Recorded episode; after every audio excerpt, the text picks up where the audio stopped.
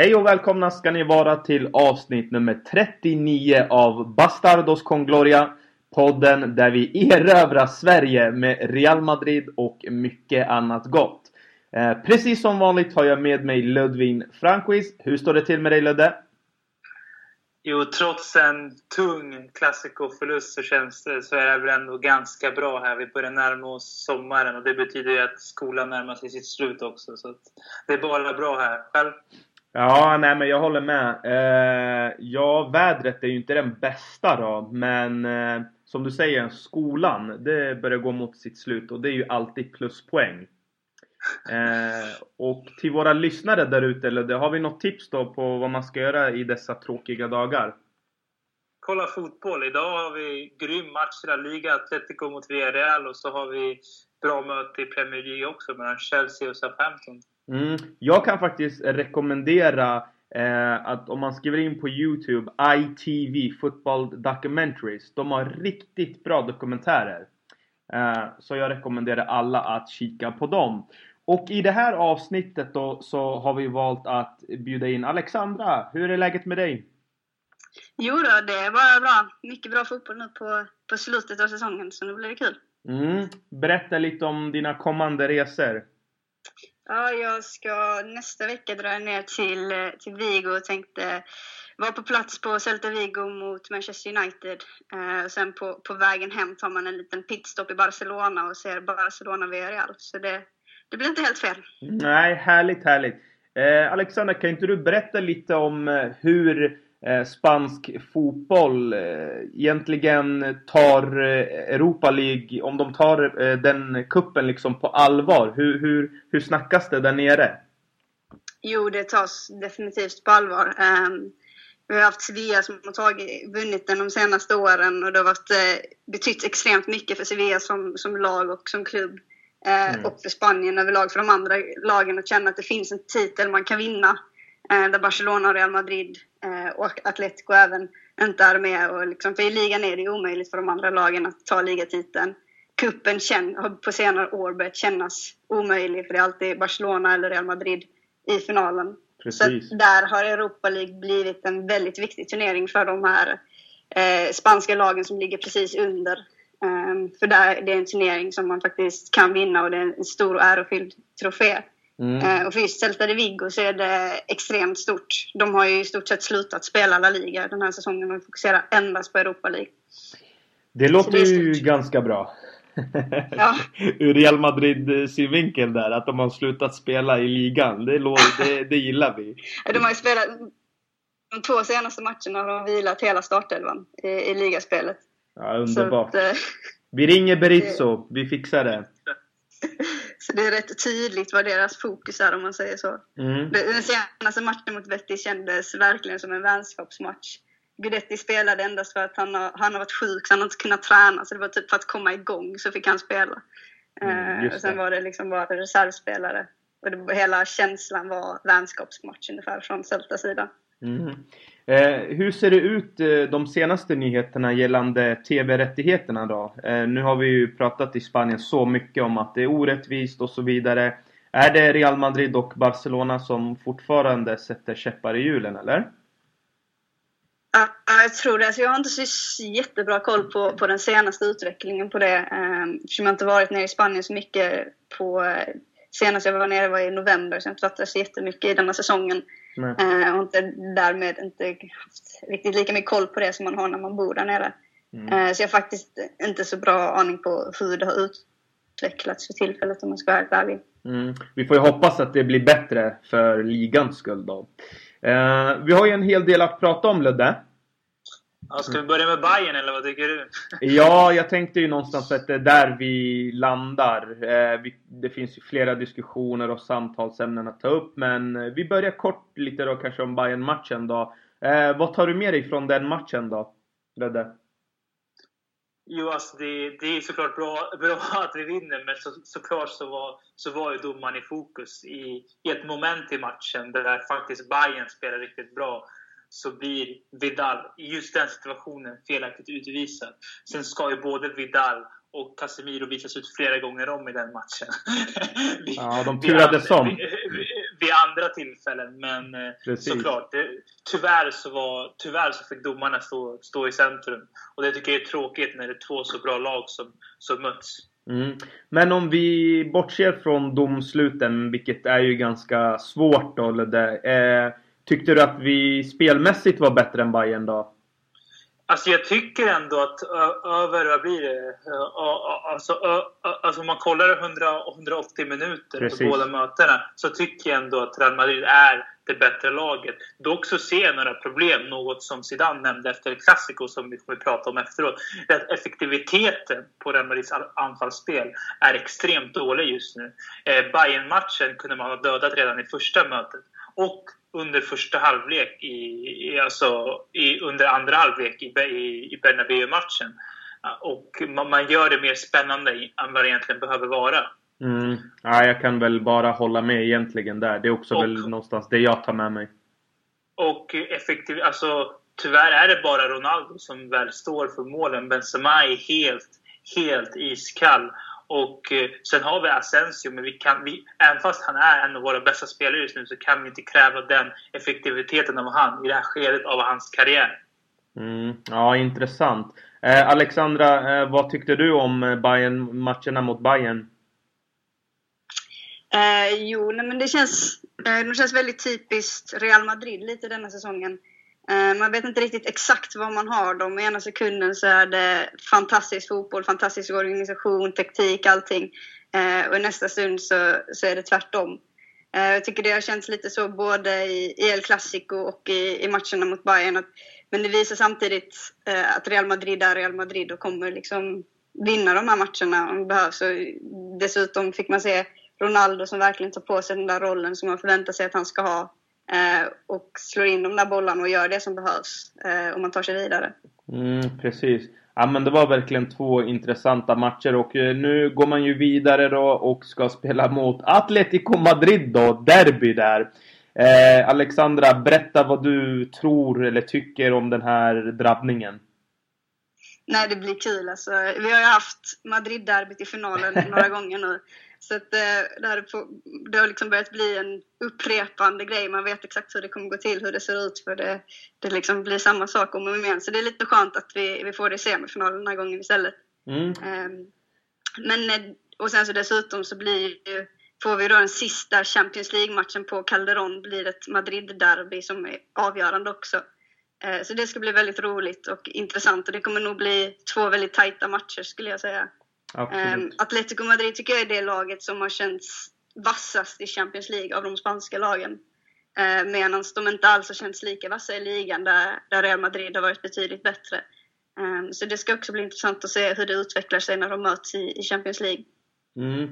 Om vi vrider lite på nycklarna här. Eh, vi kommer ju komma till vad Real Madrid behöver göra eh, mot Atletico. Det kan jag fråga dig Ludde. Alexandra, vad tror du Atleticos viktigaste nycklar är mot Real Madrid? Vad, vad är liksom hotet därifrån? Eh, nej men det är väl att främst det som har varit Atletico Madrids största problem den här säsongen som normalt sett har varit deras styrka och det är försvaret. Eh, och hålla tätt där bak och inte släppa igenom Real Madrid. Eh, men där har man vuxit nu väldigt mycket de senaste matcherna och man har fått tillbaka Oblak eh, och så vidare. Eh, sen offensivt så, så gäller det att få igång Griezmann och ha Griezmann igång. Um, för det är väl han som, som kommer göra det om det är någon som ska göra det riktigt i Atletico. Så jag tror att det är främst de två sakerna. Det är liksom få försvaret att fungera och hålla tätt. Uh, vilket man har haft lite problem med under säsongen. Uh, och sen få, få Griezmann att uh, verkligen lossna. Absolut, jag håller helt och hållet med dig. Eh, Ludde, eh, Real Madrid, vad, vad behövs göras nu mot Atletico? Nej, men jag tycker båda matcherna mot Atletico i år, även den på Bernabéu så tycker jag att man har varit faktiskt snäppet bättre än Atletico i år när man har mötts. Men det är främst i senaste mötet på, på Bernabéu, då var det effektiviteten återigen som vi redan har pratat om. Att där kunde man ha dödat matchen flera gånger om, men istället så gör Atletico ett snöpligt mål i slutet. Och det handlar om att vara fokuserade och täppa till ytan mellan backlinje och mittfält där vi såg att Messi fick oceaner av ytor i, i helgen. Och, och det var därifrån också som Atletico gjorde sitt mål, där Korea fick, fick yta där i, på, i Bernabéu-mötet. Så att stänga den ytan och vara fokuserade och inte låta Casemiro bli helt ensam mot Griezmann. För då kommer det ske samma sak som mot, mot Messi. Man kommer vara tvungen att byta ut honom till slut. Mm, precis. Eh, vi går in på matchen då. Världens största match då, säger jag. Spelades i söndags, alltså El Clasico. Eh, vi har ju nu fastställt då att eh, varför försvarar man inte sin... Eh, varför försvarar man inte liksom 2-2 och går istället för 3-2? Alexandra, ur ett psykologiskt perspektiv, kan du på, någon, på något sätt förklara det här? Vi har ju redan fastställt att det var idiotiskt då. Man borde ju bara parkerat flygplanet som Mourinho säger. Eh, varför valde man att gå, gå framåt tror du? Nej men det är väl mycket det här situationen där i, eh, på hemmaplan, eh, supportrarna bakom. Det är, speciellt i ett El Clasico, det finns så mycket vilja eh, inom de här spelarna. Det är, en, det är en match du verkligen vill vinna till varje pris. Och just där och då så tror jag att spelarna tänker inte så mycket på, på the big picture så att säga.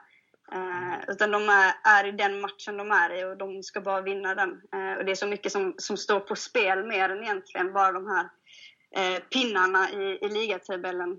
Eh, och, och det psykologiska faktorn i det blir liksom att man, man glömmer bort den stora bilden och vill bara vill ha den där vinsten så, så himla gärna. Så då tänker man inte kanske riktigt smart utan mer efter viljan. Det är ja. det jag, jag tror är huvudanledningen. Ja men precis, någonstans faller väl in eh, det här med madrismo lite kanske. Alltså man får ju tänka att det är ju flera gånger under den här säsongen som Real Madrid har faktiskt vänt omöjliga lägen. Alltså saker man inte trodde kunde egentligen hända. Och det kanske flög in i spelarna någonstans. Varför tror du att det hände Ludde?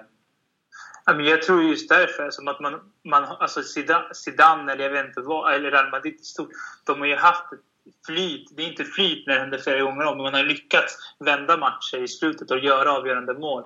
Och det jag tror, just med den bakgrunden så hade man tron på att man skulle kunna göra något omöjligt avgörande i slutet här också. Man, man, man tappade bort det realistiska.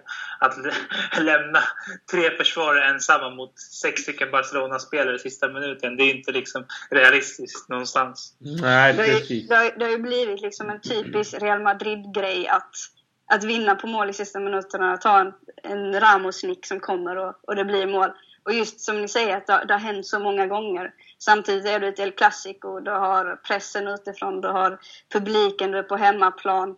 Eh, och du har också känt i den här matchen, eh, så om man bortser från kanske Messi, så var ju Real Madrid egentligen det starkare laget i, i många delar och de har väl känt att de har haft eh, egentligen matchen lite i deras händer lite då och då och haft, haft lägen när de har väldigt många lägen och då finns väl känslan att förr eller senare kommer den gå in för den går alltid in.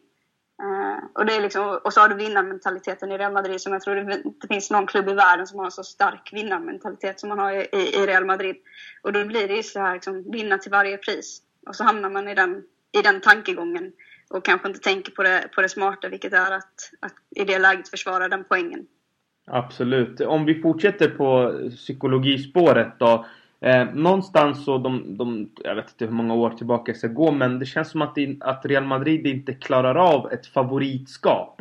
Eh, går man bara senast tillbaka till 05 förlusten. Eh, där var ju, där och då, trodde ju varenda Real Madrid-supporter ah, nu kommer Mourinho. Han vet ju hur man tacklas med Peps Barca. Här ska det bli åka av för Barca. Det är hejdå med Pep nu. Men det blev ju 0-5. eh, Alexander, hur kommer det sig att Real Madrid inte klarar av favoritskapet utan är mer bekväma med att vara underdogs? Det har ju förändrats lite på senare år. Känner du också det?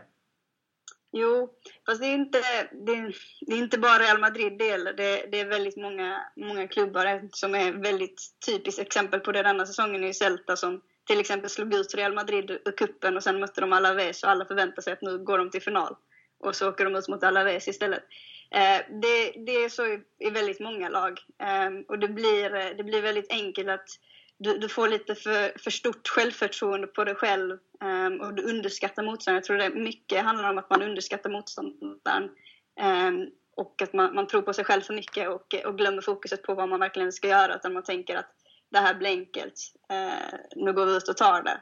Ja. Eh, och så blir man lite, lite chockad egentligen eh, Eh, att det inte var så enkelt och då blir det, blir det svårt att komma tillbaka i rätt, eh, i ta, rätt tankegång igen. Eh, men det, är liksom, det, det händer de flesta klubbarna. Men ett lag som Real Madrid är väl just en klubb som man tänker att om det är något lag som, som inte ska ha problem att ta favoritskapet så är det ett lag som Real Madrid. Eh, så det, det är definitivt intressant och en, en bra fråga. Typ. Mm, absolut, nej men för det är någonstans där jag känner Real Madrid eh, har fallerat. Det är kanske också någonstans med att man gillar att vara underdog, slå underifrån, mål i sista minuten eh, göra det omöjliga. Men sen när man har favoritskapet så kanske det stiger i huvudet liksom. Vi är Real Madrid, det räcker. Barca, det här är kört för dem. Och, eh, eller vad säger du Ludde? Hur kände du liksom? För inför matchen var man hur lugn som helst ju. Alltså jag tyckte att båda lagen... Ja, jag tycker Alexandra twittrade riktigt bra att den här... Det var faktiskt en av de sämre klassikerna på väldigt länge ur taktisk synpunkt. Det var ju mycket Hawaii-fotboll. Alltså Barcelona lät ju alltså Real kontra och fick jättestora ytor bakom Barcelonas backlinje att springa på det Real Madrid är bäst på. Å andra sidan så fick Messi oceaner av ytor mellan eh, Real Madrids backlinje och mittfält. Där Messi är liksom bäst historiskt kanske i, inom världsfotbollen. Liksom, I den ytan. Och bara en mot en mot Casemiro där. Och Casemiro skulle ju också bli utvisad i den här matchen också, flera gånger om. Det kändes som att lagen bara gick ut och körde rysk roulette helt enkelt. Mm, absolut, nej men så kändes det väl någonstans. Och i, slut, och i slutändan, eh, alltså om man låter kanske alltså, en av världens bästa spelare genom tiderna vara helt fri i den ytan. Då, då blir det till slut det laget som vinner, den, de, de som har den spelaren. Mm. Om, om vi pratar lite om det här med mittfält och anfall. För det har ju varit en ganska stor diskussion bland Real Madrid-fansen i år. Eh, många hävdar att det är mittfältet som har blivit sämre vilket gör att BBC har presterat så som de gör. Och vissa säger att BBC presterar väldigt dåligt och mittfältet blir lidande. Eh, Alexandra, vad ser du att det är? Tycker du att problemet när Real Madrid ibland inte pressar är individuellt eller känns det som att det är laget, alltså är det en lagdel eller hela laget som fallerar?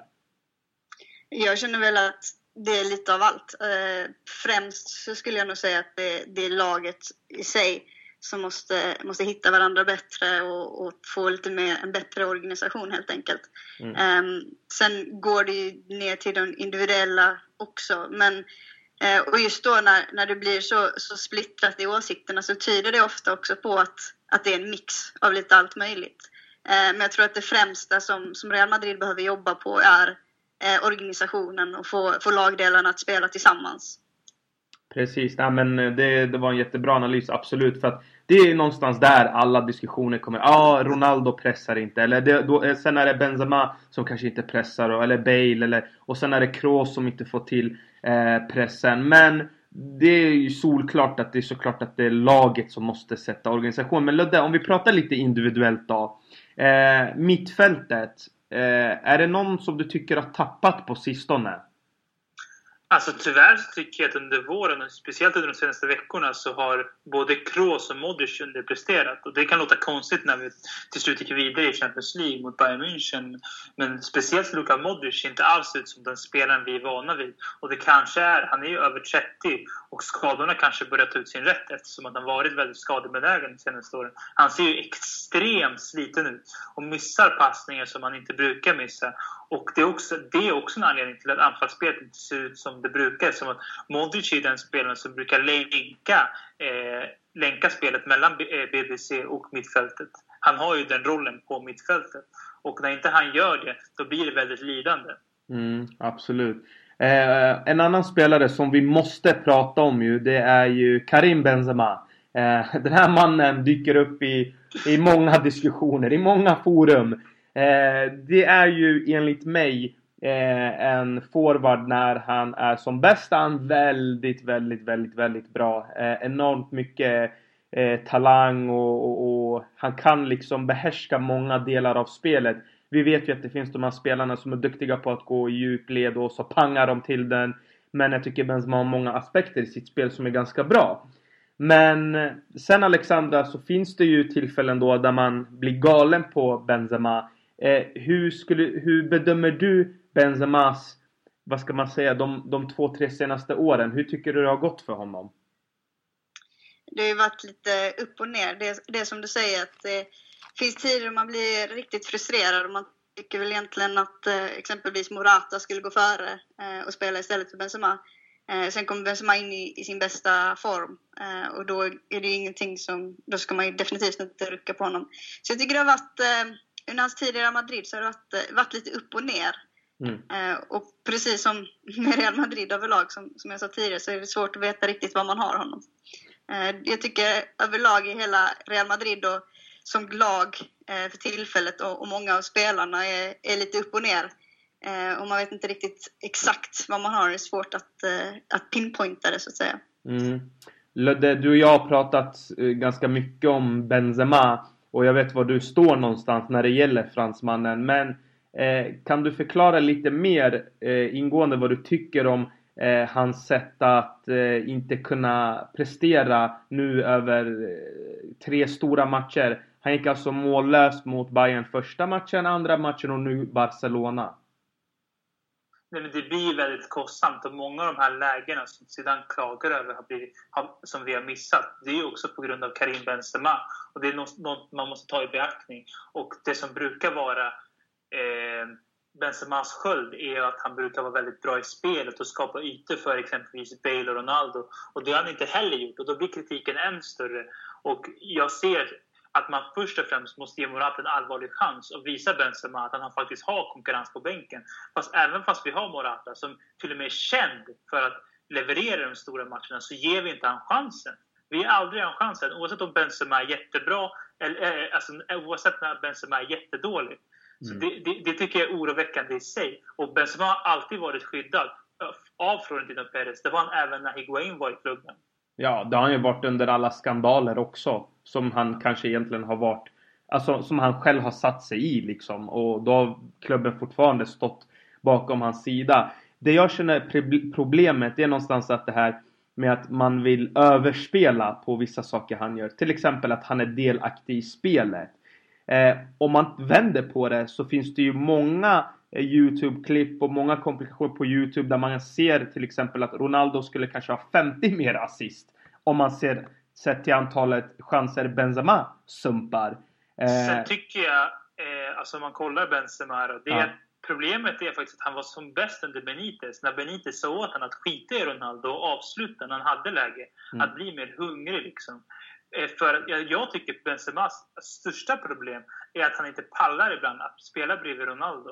Alltså, när han får bollen, alltså hans beslutsfattning, det tar liksom en minut. För han kollar hela tiden vad Ronaldo är. Han är nästan rädd för att avsluta själv. Och sen när han ska göra någonting själv, då är det redan för sent. Då har försvararna hunnit dit. Mm. Så det blir ingenting av det. Det kan jag också hålla med om, eh, att det, finns, att det finns en liten sanning i det. Men man kan ju aldrig beklaga en annan spelare. Då får man faktiskt flytta Nej, jag, på sig. Jag beklagar inte Ronaldo. Jag beklagar Benzema ja. och hans psyke och direktiven han får. Så under Benitez så var det mycket bättre. Absolut. Det, är något jag kan ge Benitez. Att under Benitez så var Benzema riktigt hungrig på topp. Ja, absolut. Ja, ja. Då var han inte en tam katt som Mourinho påpekade att han var. Men, nej, men jag håller med dig. Det som störde mig mest i El Clasico och jag satt ju med två vänner här hemma hos mig. Vi tittade på matchen och alla la liksom fokus på Benzemas pressspel. För att någonstans måste man ju förstå att i fotboll så finns det en hierarki. Oavsett vi fans kan sitta bakom våra skärmar och titta på TV och säga nej men vi ska ju spela som ett lag och det finns ingen hierarki. Jo det finns det. Speciellt i Real Madrid. Speciellt i Barcelona. Där är Messi och Ronaldo först. Och om Ronaldo och Bale ser att Benzema inte pressar. Varför skulle de pressa? Det är obefintligt. Eller vad tycker du Alexandra? Det blir ju så. Mm. Ehm, det ska ju inte vara så egentligen. Men det, den psykologiska eh, aspekten i det här är i ett lag, ser du att någon annan inte gör sitt jobb ehm, så, så blir det jobbigare för dig att göra ditt jobb. Ehm, och det, så är det, det är ganska obvious kan man tycka. Men, men det är ofta det som, som skapar eh, problem i sådana grejer. Eh, och andras beteende, även om du inte tänker på det själv, så påverkar det dig också. Eh, och, och, självklart när man känner att man har en större hierarki eh, än andra spelare. Så, så vill, om, om inte de gör jobbet, varför ska jag göra jobbet? Så det är klart att det blir så. Precis. jag är enormt trött på honom. Alltså jag slet av mig håret när jag satt och tittade på honom. Alltså det, det är ett skämt när han går på plan. Han går. Och så säger man att Ter Stegen hade en hög passningsprocent. Ja, men det förklarar sig att han inte blev pressad typ en enda gång känns det av vår nummer nio. Eller vad säger du? tycker jag att fallet Bale börjar bli värre. Jag tror jag läste på Twitter ja. idag att, att sen han kom till Real Madrid så har han missat nu 58 matcher. Mm. Det, det, det, är liksom en och en halv liga eller något sånt där. Ja, det, det är ju bedrövligt. Det, ja. det är helt sinnessjukt. Och sen måste man också kolla Alltså, vi är ett skede av säsongen där man inte längre kan försöka spela in spelare i form. Varför startar man Bailey till Classico när han, inte, när han inte, dels inte varit i form och, och, varit skadad? Och det finns en hög risk att vi kommer kasta bort ett byte. Mm. Eh, samtidigt, samtidigt, som Isco och Assassino är i så otroligt bra form. Precis. Det, för mig skickar det helt fel signaler. Och något väldigt intressant är vad Ancelotti kommit ut med i sin bok. Där en av anledningarna till att han fick sparken av Real Madrid var för att eh, han, han tjafsade med Bale och Perez tog Bales, eh, Bales eh, eh Sida. parti. Mm. Ja. Ah, nej men absolut, ja, jag kan hålla bara med. Alltså, det var det här jag tänkte komma in på. Nu, nu är det ju så här, vi måste ju fastslå att Bale är väl en väldigt skade benägen spelare. Han är värd en miljard. Han har, tycker jag, under sina säsonger ändå varit delaktig i att plocka hem titlarna. Men det är ju skadorna som gör att man blir irriterad. Det är ju inte hans själva spelstil. Alltså för mig i alla fall. Men Alexandra, nu har vi fastslagit. Bale är en skadebenägen spelare. Men vad kan Real Madrid göra då? Hur tycker du man som klubb ska hantera en sån situation? Nej, men nu när det har kommit så pass långt som det har. Eh, tanken var ju att man skulle få igång honom till de stora matcherna, men nu när det kommer en stor match så är han inte redo. Eh, och man spelar honom ändå, vilket eh, tydligt var, var ett misstag. Eh, så jag tycker att det har kommit till den nivån, specifikt med de spelarna man har underifrån, att, att man kanske ska sälja Bale och, och försöka fokusera på, på andra spelare som som kan ta den rollen och, och, och, och, spela för att de inte är skadade hela tiden. Man kan inte ha spelare som konstant är skadade och speciellt inte på den nivån. Eh, och han har fått sin chans skulle jag vilja säga för att han har varit där så pass länge nu. Eh, och det, det, är ett problem som, som inte löser sig själv så då, då får man göra någonting åt det helt enkelt. Mm. Eh, nu har det ju pratats också en del om eh, att eh, köpa spelare då. Perez har ju varit ganska lugn på marknaden för en gångs skull. Eh, och då pratas det om Hazard, Mbappé och så vidare. Men Ludde, om vi tittar på det laget vi redan har. Eh, känner du att det finns någon spelare som, som du gärna vill ska ta den platsen om nu Bale blir såld? Alltså först och främst så kommer ut rapporter från Marca att Isco nu har förlängt till 2022. Ja. Eh, så det, det är ett alternativ. Men det jag främst tänker på är Asensio.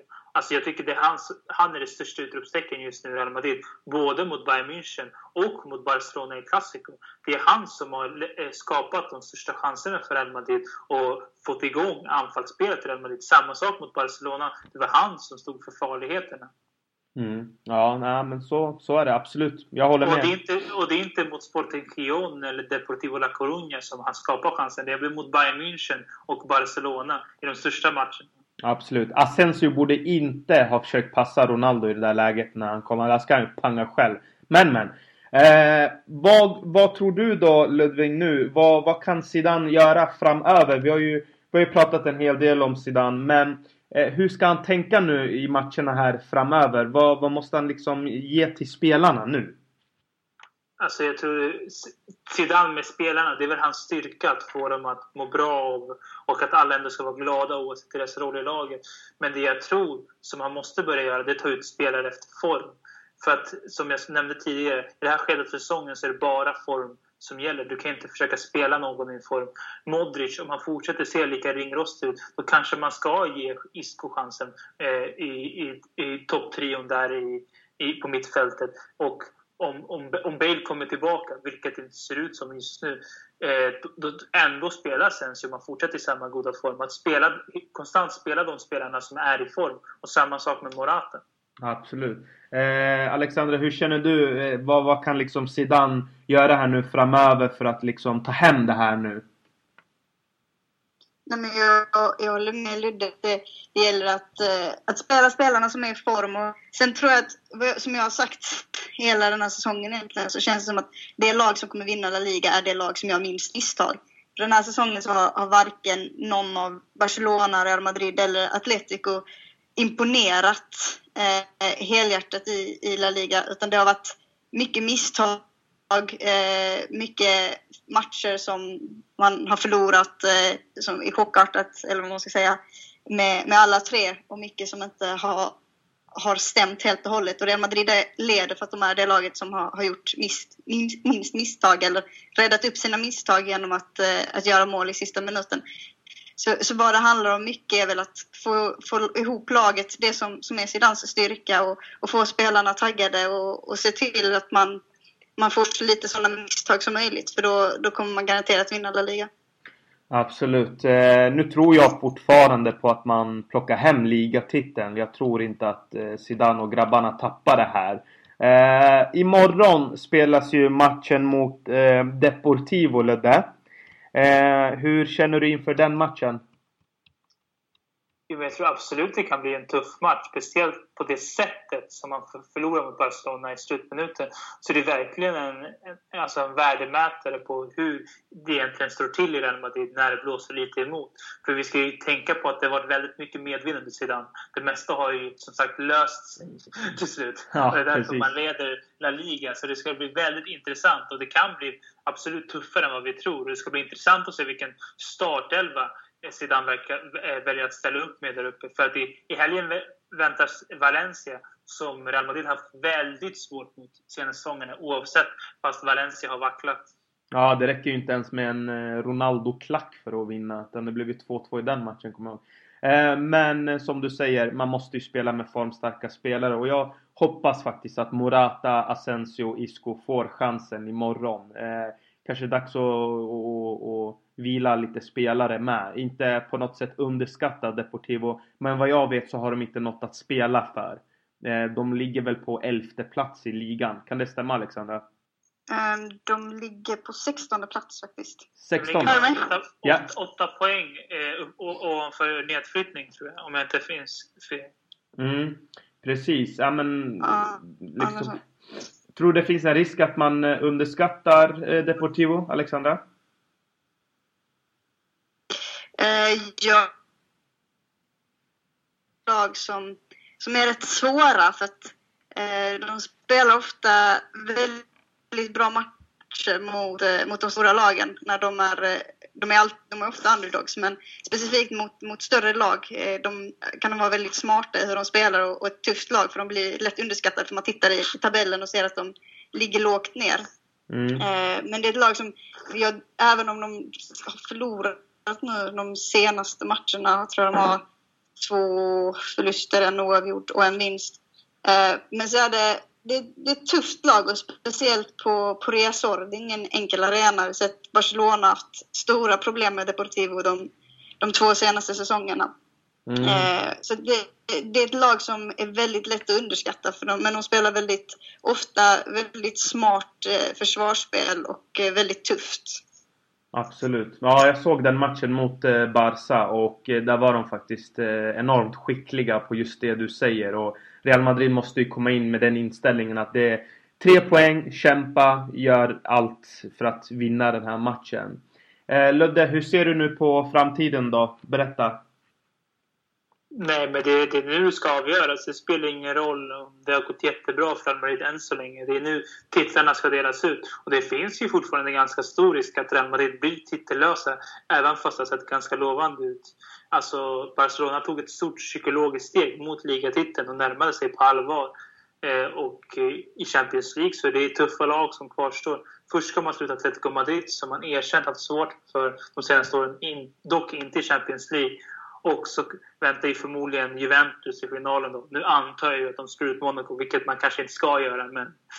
Nej, så det, är, det är en lång väg att vandra till titlarna med andra ord. Absolut. Det, det, det, blir ju så också efter en sån förlust, liksom sista sekunderna och då känner man ju någonstans att det är lite, kanske lite, lite uppgivet men så är det ju inte. Utan nu är det ju dags att räcka upp sig och bara köra nu in, in i det sista liksom och försöka ta hem en eller två titlar då. Eh, det var det mesta vi hade för den här gången, Ludde.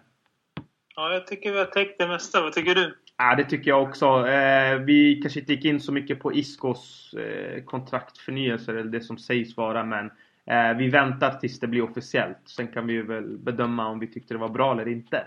Där och då. tycker jag. Alexandra, hade du något på hjärtat som du ville få ut här? Uh, nej, jag tycker vi har haft med det mesta. Eller hur? Härligt, härligt. Eh, jag vill tacka till alla som lyssnar. Fortsätt att lyssna. Vi finns där poddar finns. Eh, tack så mycket. Adios.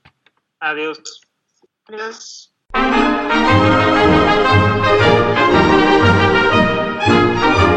De